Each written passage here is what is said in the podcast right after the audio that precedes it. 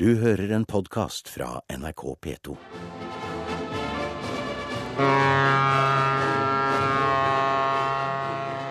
Vi skriver i dag torsdag den 19. desember. Mikrofonen har eh, dratt over fjellet til Bergen for å motta julebåten Stavangerfjord, som kommer fra Amerika med alle våre Hornmusikk og skipsklokker, og reporterne Julius Haugen og Leif Rustad som er i Bergen for å ta imot Stavangerfjord. Julebåten fra det store Amerika. Året er 1935, og opptakene er et av de eldste som finnes i NRKs arkiv. I dette programmet er også museum i Bergen. Vi er på Sjøfartsmuseet for å se den pågående utstillingen om den norske Amerikalinjen. Så skal vi fra Skoltegrunskaia i Bergen høre om en av de virkelig mørke kapitlene i norsk sjøfartshistorie. Ørkenen Sur i Brochlin. Men vi unner oss enda noen sekunder fra Skoltegrunkaia 19.12.1935, der Stavangerfjord har klappet til kai, selveste julebåten fra Amerika. Har de hatt det på turen, da? Utmerket. Aldeles utmerket. Aldeles Ikke noe, sjø, ikke noe sjøsyke. Å, nei, ikke sjøsyketall. Har det vært eh, mange år i Amerika? 24 år. 24 år i Amerika. Er det første gang nå skal eh, hjem til julen? Nei, det er det ikke. Jeg har vært hjemme tre ganger. Tre ganger før. Ja, Det gleder dem selvfølgelig. ja det er sikkert det. Denne gang vil jeg stanse hjemme. Vil de stanse? De vil ikke over igjen. Nei. Hvorfor ikke det, da? Å, for jeg har fått Norge mer kjære enn noensinne før. Ja, det kan man se. Ute godt, men hjemme best, sier man, ikke sant? Det er sant. har de lege og sykehus. Det er ikke så svært mange av eh, Det er flott å se på sånne modeller. Ja, det, det. Det er vakkert, altså. Borerigger og Er det Kristiania Det, det er en sånn fellesmodell fra skipsverftet som bygget eh, Kristianiafjord og Bergensfjord. Ja, det er de to første. Kristianiafjord først, og så nesten parallelt Bergensfjord. Ja, og som du ser så er det ingen navn på, for de er bygget samtidig. Akkurat. Så Var de helt like òg, eller? Ja, de er så å si identiske. Jeg er usikker om det var kanskje noen De pleide jo vanligvis å gjøre mm, små endringer på søsterskip ut fra erfaringen fra første skip. på riktig. søsterskipet. På hvilket nivå var de skipa her i, i, i sin tid? Det er jo de klart største skipene eh, Norge har. Norge har jo fjerde største handelsflåte i verden på denne tiden. her, Men det er jo hovedsakelig lasteskip Norge har. Og, eh, og de er sånn mellomstore blant de eh, passasjerskipene som går til eh, USA. da. Til sammenligning er jo disse her rundt 11 000 tonn. Men det største på den tiden her, det er over 50 000. Et tysk skip. Ja. Imperator. Akkurat. Ja, det er lite i forhold til Ja. det største. Eh, Det er eh, Per Christian eh, Sebakk som sier. Han er førsteamanuensis og arbeider her ved Sjøfartsmuseet i Bergen. Og du har vært kurator for denne utstillingen vi skal se på, Den norske amerikalinje. Ja, jeg har vært prosjektleder for dette prosjektet. Og det den åpnet i, i juni. Ja. Da var det 100 år siden den første turen. ja. Så gikk vi fra Begynte fra eh, Kristiania, Oslo, 4. juni. Og fra Bergen 7. juni, så det var uavhengighetsdagen. Og den første turen var eh, ikke hvilken som helst slags tur. Der var det mye prominente folk om bord. I høyeste grad. Der var det både konge og så å si hele regjering og, og storting. Og, tror, og de, de jo da rundt kysten, fra Kristiania til Bergen. Og de kommer 6. juni, så gikk jo da makteliten i land. Og jeg tror aldri at både konge, storting og regjering har vært samlet i Bergen på samme tid før. Nei. I hvert fall ikke i moderne tid. Og heller ikke om bord i et, et skip. Nei, det er skummelt å tenke på hvis Så sårbart som det kunne være. Ja, tenk rundt kysten der, og så eh, med alle de farlige farvannene kunne gå på grunn der. Sant? Den norske Amerikalinjen ble sjøfartsnasjonen Norges eh, store stolthet. Hvert anløp til landet ble en begivenhet, og folk som ikke kunne være der selv, kunne se det i Filmavisen på kino. Men hvordan startet dette skipsfartseventyret? Førsteamanuensis Per Christian Sebakk ved Bergen sjøfartsmuseum forteller at det var jernbanen som var katalysatoren i etableringen av linjefarten over Atlanterhavet. Det som virkelig ga det store eh, påskuddet for, for, å etablere norsk amerikalinje tidlig på 1900-tallet, det var er to ting. Det ene er fra 1890-årene i 1895 så begynner man å bygge eh, Bergensbanen. Og Det, det forkorter jo reisetiden vesentlig mellom Norges to største byer, Kristiania og Bergen. Og Da er det flere, bl.a. en ingeniør som jobber med, med Bergensbanen. Da så ser muligheten at Norsk Amerikalinje kan være en forlengelse av Bergensbanen. Vestover. Ja. For det gir òg en veldig god reiserute for eh, emigranter og andre reisende fra Kristiania-området, som er der de fleste eh, kommer fra. Så Det er egentlig en av de viktigste grunnene. Og det andre det er den politiske eh, dimensjonen. For det, har, det, å ha en, en amerikalinje det har mye med nasjonal, nasjonsbygging å gjøre. Og det, Man setter faktisk et land på økonomiske og politiske eh, landskapet. De aller fleste land i Europa har på denne tiden en amerikalinje. Norge har det ikke, og faktisk heller ikke eh, Sverige. Og bakgrunnen for det er eh, altså emigrasjonen? Emigrasjon det er, det hele bærebjelken til denne virksomheten, til denne amerikafarten. Uten, uten, emigranter så kunne ikke man drevet, ha sånn, sånn, bygget så store skip, så store passasjerskip og holde så regelmessig rutefart som man hadde på den tiden. der. Så, så, eh, det er veldig, så, så I 1908 da, så foreligger det faktisk to alternativ til norsk amerikalinje. Det ene er å ha egen amerikalinje, eller en slags en skandinavisk versjon. Faktisk samarbeid med eh, Sverige og Danmark. Og eh, Gunnar Knutsen, som er statsminister på den tiden, han støtter faktisk det skandinaviske alternativet. Og det, det skaper mye eh, ståhei og mye mange krasse redaksjoner da høsten eh, 1908. Og mange karaktertegninger som man ser eksempler på her. Og eh, ingen som forstår, ikke opinionen eller eh, pressen, hvordan eh, Norge, Sverige og Danmark skal klare å, å samarbeide om noe så eh, prestisjefullt. Man må jo da ta unionsoppløsningen i i eh, betraktning. Ja, selvfølgelig. Og det ender med at eh, det er faktisk Sverige som er mest sur på dette. her, Fordi at tilbud gir dårligst, eh, alternativ gir dårligst tilbud fra Sverige. Så det, det skrinlegges i 1909. Og da er det en norsk versjon som, som dukker opp. Som dukker opp ja. Du, det er jo litt tankevekkende når en står her og ser på kartet og Bergensbanen, som jo tok et helt statsbudsjett den gangen. I dag snakker vi om noen små dobbeltspor og sånn rundt ja. omkring og blir store politiske ja. saker. Men så legger man altså til rette for at folk skal forlate landet? Ja, det, det er jo et eh, veldig godt poeng. Nå har vi studert en del eh, For den norske amerikanen den, den var jo avhengig av statsstøtte. Og fikk faktisk 1 million kroner i 1912 til sammenligning så hadde all annen norsk skipsfart fått 600 000 året før. Så enorm støtte her. En støtte uten sidestykke. Det var i aksjekapital, det, da? Nei, statsstøtte.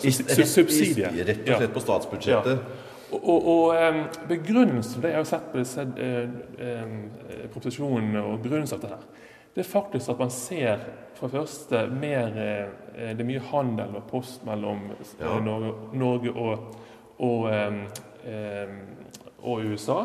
Men den viktigste grunnen er faktisk at man ser og har en bedre forbindelse mellom Norge og USA, så vil det være lettere for nordmenn i USA å komme tilbake til Norge som en del av nasjonsbyggingen. Akkurat. Om vi husker på den tiden her, i 1910, folketellingen i USA, så bor det 900 000 mennesker i USA med én eller to norskfødte foreldre. Ja vel. 450 000 er født i Norge.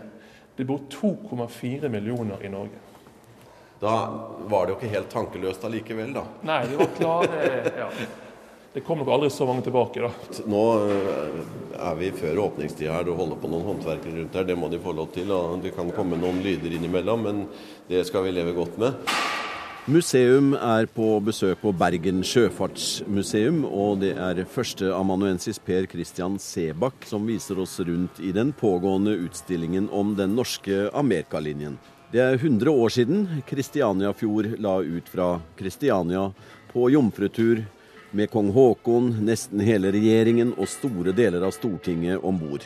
Rederiets to første tiår var preget av urent farvann. Det ble krig, depresjon og nedgangstider. Nå forlater vi utstillingen på Bergen sjøfartsmuseum en stund, og begir oss ut i bergenstrafikken, ned til Vågen, forbi Bryggen og Håkonshallen, til Skoltegrunnskaia. Her støyer det fra supplyskipene som ligger til kai. Historiker Roger Kvarsvik ved Sjøfartsmuseet har studert et trist kapittel i norsk sjøfartshistorie. Ørkenen sur. Nå kommer vi rett fra utstillingen om eh, den norske amerikalinje på Sjøfartsmuseet i Bergen. Og der nevnte eh, Per Christian eh, Sebakk det havneområdet vi er i nå. Nå står vi på Skoltegrunnskaia, eller Skolten som kaller det. Skoltegrunnskaia, ja. ja. Her kommer jo amerikabåten inn, da. Men på den andre siden av havet så har du konsentrert deg om en annen virkelighet, og det var virkelig ikke luksus. Nei, det Altså, jeg har jo skrevet litt om eh, ørkenen Sur, da. Altså, ørkenen Sur. Ja. Norske sjøfolk som eh, i mellomkrigstida bodde på en søppelfylling i Brokklin, som ble kalla Ørkenen Sur etter andre Mosebok. De fortapte sjelene som vandra ut i ørkenen. Og det var det en bymisjonær som kom fra fra Gjesdal, altså utafor eh, Det ligger Ålgård i Stavanger. Og det var han som ga navnet Ørken Sur i 1926. Han kom jo over i, begynnelsen på 20-tallet og for eh, på fritida si ned i slummen og leta opp norske nordmenn som hadde forsvunnet. Så han brukte fritida si på det, og da var han bl.a. på denne søppelfyllinga som fikk navnet Ørken Sur. Og der var det mye eh, norske sjøfolk som eh, rett og slett hadde forlist uh, i livet sine. Altså Ørken Surs historie begynner allerede på 1920-tallet, altså 1921. Da var det jo sjøfartskrise både i Norge og i USA. Og da havna flere sjøfolk på søppelfyllinga. Altså de, de stranda rett og slett. Og så hadde du selvfølgelig noen som hadde problemer med alkoholen i tillegg til at de stranda. Og da var å gjemme seg unna på ei søppelfylling og få bygd noe skur en fin ting å gjøre, da. Eh, men du har gravd fram flere historier, bl.a. en som ble berga ut eh, fra ørkenen Sur. Ja, det var bl.a. En, eh, en type fra Sørlandet, i Lyngdalsområdet, som familien hjemme på Sørlandet etterlyste. Så sendte de et brev over til, til New York til noen slektninger der og spurte om de kunne dra ned ørkenen sur og se om de kunne finne den. For de hørte rykter om at den var der nedi. Og det gjorde de jo. De dro, Far og sønn dro nedi der, fant den, hentet den hjem og uh, ga han et bad. Skikkelig bad, og han fikk lov til å være der ei uke og la på seg. Og så bestilte de billett hjem på norske amerikalinja med penger som ble sendt over. Og så kjører de ned på, ned på kaia i Brooklyn. Og den eh, kaia som Amerikalina lå til, da, det var ikke så langt unna Ørkensur. Sånn at eh, det gikk røkte der blant ørkenbefolkninga om at den skulle hjem. Da gikk han opp, eh, opp båten, og da så han kompisen sin lenger bort. da, og De kikka opp på han. og Da tok han av seg hatten, og så bøyde han forsiktig kroppen framover, da, 2018. Og så vinka til ham. Så kom han seg hjem til Norge og fikk familie og bra jobb etter hvert. Bymisjonæren Kvarsvik nevner, er Carl Holm. I boka som Roger Kvarsvik og Tor Gotås har skrevet om ørkenen Sur, er Carl Holm kalt søppeldyngas apostel. Og det var han som satte navnet Ørkenen Sur på området. Holm fikk senere St. Olavs orden for sitt humanitære arbeid i Brooklyn og ørkenen Sur. Eh, nå står vi der eh, Amerikalinja kom til Bergen med Carl Holm, som du har nevnt eh, flere ganger. Kan du fortelle om det? Ja, Carl Holm kom jo på sommerferie i 1937, altså tre år etter Ørkensur og Sletta. Da skulle han hjem til, på, til Rogaland på ferie. Da var han innom Bergen her og kom til Skolten. Det første han ser da, Altså Han gikk antakeligvis en tur rett utom her. Og det første han ser, det er ei kvinne som han så i 1932 i ørkenen sur flere ganger. Som han skriver i dagboka si, så var hun veldig ufin i språket da, når han møtte henne i 32. For han førte jo dagbok ja. over besøkene sine. Og da traff han på henne, og så kongen og Rattata i ørkenen sur. Og de, alle tre var dritings og var stygge i munnen. Men så gikk han og snakka med henne her, og da viste det seg at hun hadde kommet tilbake, og nå hadde hun det kjølig bra. Nå har vi hørt et par historier der eh, det endte godt. Men det er også mange som døde av sykdom og alkoholisme i ørkenen Sur. I 1930 så hadde det et stort drikkegilde som ble slått opp stort både i New York og i Norge. Og da I september 1930 så var det kapprungskonkurranse i Brooklyn, i havna der. Eh, og Da var det sånn at eh, norske amerikalinja stilte lag, bl.a. mot flere båter. da. Så dro han fram livbåtene sine, og så kapproa. Ja. Og det, var, det endte jo med norsk seier.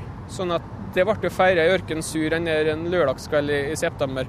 Og, men problemet er at de har fått så dårlig sprit, så det var tresprit. da. Så neste dag så lå det en fem-seks mann utom hytta, altså omkommet. Og en ble sendt på sykehus og døde der, da. Og det var tresprit. Det ble også skrevet om i norske Ja da. Det ble skrevet om i norske aviser.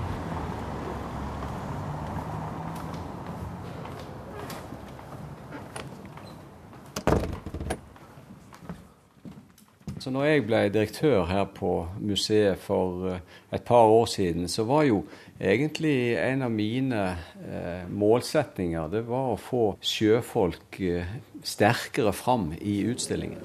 Fra Skoltegrunnskaia ytterst på Vågens østside forlater vi historiene om de flere hundre norske sjøfolkene som havarerte i ørkenen Sur, og er nå tilbake på Bergen sjøfartsmuseum på direktør Tore Nilsens kontor. Han ønsker mer oppmerksomhet om sjøfolkenes historie. I, samarbeid med Norsk Maritimt Museum så, eh, så for en, ja, det er vel sikkert en tre år siden, så diskuterte vi akkurat dette om å lage et prosjekt om førstereis. Og vi oppdaget da at uh, Hvalfangstmuseet i Sandefjord hadde òg startet noe, en sånn førstereisprosjekt. Egentlig som vi ikke visste noe om. Våre museer har jo fortsatt dette arbeidet, og nå skjer jo dette i samarbeid med det såkalte Sjøfartsnettverket. I Norge så er en samling eh, av museer som har eh, sjøfart som arbeidsområde. Vi, vi eh, møtes jo jevnlig og, og diskuterer hva vi skal gjøre for å fremme sjøfart og sjøfartshistorie i, i, i Norge. Dette seminaret som snart skal arrangeres her ved, ved Sjøfartsmuseet, det er jo egentlig et samarbeidsprosjekt med Sjøfartsnettverket norske sjøfartsnettverket. Og det er en av skrittene, eh, håper vi, eh, frem mot eh, utarbeidelse av et skikkelig historieverk om sjøfolk.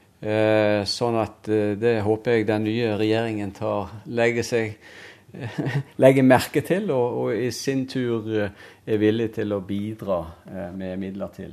Ideen med, denne, med dette, denne konferansen det er jo nettopp å eh, få samlet eh, de i Norge som har jobbet med dette, eh, for å, å, vite hvor vi står. Og eh, egentlig lansere ideen om et sånt et historieverk. Eh, og for å vite hva, hva, hva veien, hvor veien videre skal gå, så må vi vite hvor vi står i dag. Eh, og Derfor er det nokså mange emner knyttet til Eh, sjøfolkenes historie som blir tatt opp på denne konferansen. Men det blir òg tatt opp spørsmål om eh, hvordan vi forvalter den historien vi har, altså i museer osv.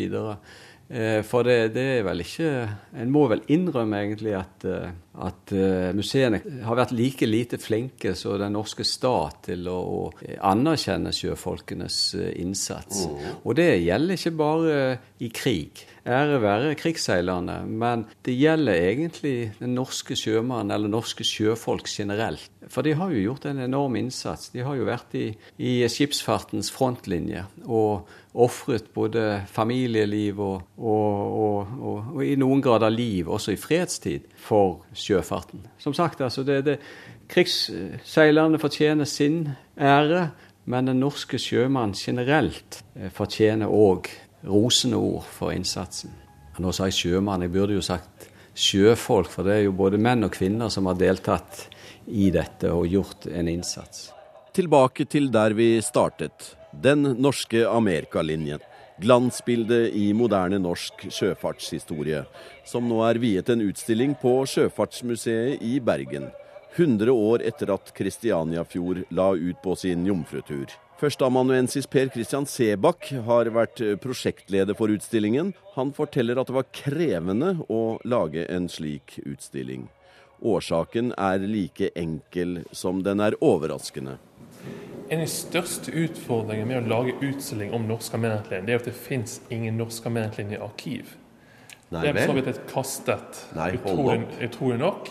Det er, sånn, ja. det er helt utrolig. Eh, det var Historien er rundt 1980, når de, når de tømte byggene på Jernbanetorget, hovedkontoret i, I Oslo. Oslo. Så ble så å si alt eh, kastet. Og det er ganske jeg vil si, en stor skandale. Det, ja. det er jo en, en, så viktig del av norsk eh, sjøfartshistorie som har gått tapt.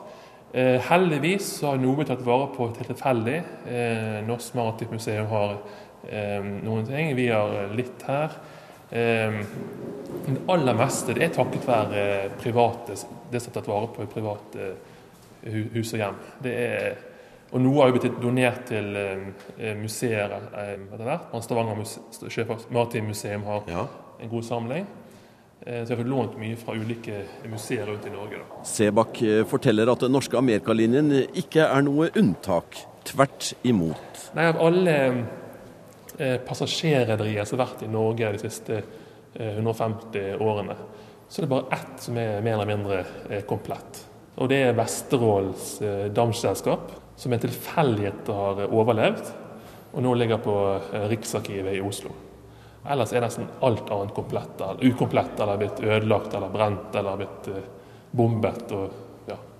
Så når det om, om, kort tid skal være et stort eh, seminar om eh, norsk skipsfart og sjøfartsnasjonen eh, Norge og um, kanskje planlegging av forskningsprosjekter, så er, så er, det mye materiale som en aldri vil kunne få tak i. Ja, i høyeste grad. Det, og det gjelder ikke minst sånn, sånn passasjerrederier. Men det gjelder jo mange andre rederier som er det er veldig tilfeldig hva som varer på, og mye er ukomplett. Da. Dessverre så er det ikke noe klar eh, retningslinje for private arkiv. Vi har det på offentlige arkiv i Norge. Men, men eh, private arkiv så er det mye som kan bli sånne skatter for eksempel, som kan bli eh, kastet. Og ikke, I Norge så er heller ikke noe eh, forretningsarkiv. Så f.eks. I Danmark har jo et veldig bra forretningsarkiv der eh, private bedrifter som kan levere, levere eh, arkivene sine i, i, i Århus. Men, men, i Norge så er det ikke det samme eh, lovverket, dessverre. Kunne du ta bare nå den norske Amerikalinjes eh, skip én etter én? Det er sikkert mange som vil gjenkjenne og nikke nesten når de hører på. Ja, det, det kan jeg godt gjøre. Var, eh, de to første var jo Kristianiafjord eh, og Bergensfjord, som da kom helt i starten i 1913. Så Bergensfjord leverte i september samme året, mens Kristianiafjord da i juni. Så har vi Stavangerfjord i 1918 så eh, tar det faktisk 20 år før neste skip. Det er veldig vanskelig å bygge skip i mellomkrigstiden pga. økonomisk krise, så da Oslofjord 1938. Og så Den har jo veldig kort levetid pga. Eh, den går på mine under, under krigen. Ja. Så det kommer en ny Oslofjord i 1949, som da veldig mange har et forhold til. for den er mange, mange reisende. Og så eh, kom Bergensfjord i 1956. Bergensfjord 2 ble Bergensfjord 2, ja. ja. ja. Det andre ble jo solgt etter um, annen verdenskrig. Og så til slutt, i, i 60-årene, så har du Sagafjord. Og så eh, Vistafjord, som kom i 70-årene. Men da er vi over i en periode hvor eh, Amerikalinjen og dens eh, egentlige oppdrag fra starten av er viska veldig ut? Ja, det går veldig nedover etter eh, Faktisk 1950-årene det er en slags storhetstid for norske menn. Da har de veldig gode passasjertall. Eh, 60-årene så går det veldig nedover med, med rutefarten. Til gjengjeld så, så, er det et cruise som, som blir eh, satset fullt på. da. Eh, for da er det selvfølgelig fly, flya? Da er det fly, ja. ja. Og sist, siste eh, rute, rute, til eh, New York det ble gjennomført i 1971.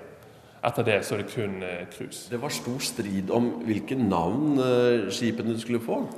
Det var det absolutt, og ikke minst i, i, i var det meninger om, om, eh, om Bergensfjord. da. For Kristianiafjord det kunne flere leve med, for det var jo faktisk et, et stedsnavn. Ja. Men ingen sted i verden het Bergensfjord. Nei. Nei. Her er det jo Byfjorden. sant? Ja. Og det skapte jo enormt rabalder både i norsk-amerikanske aviser og i norske aviser. Det var jo, det var jo mange forslag med alt fra eh, Fridtjof Nansen og Roald Amundsen og men så Leif Eriksson. Leif Eriksson, ja. Og, men nå mente jo seriøst at vi ble kalt Adam og Eva. det var forslag om det òg.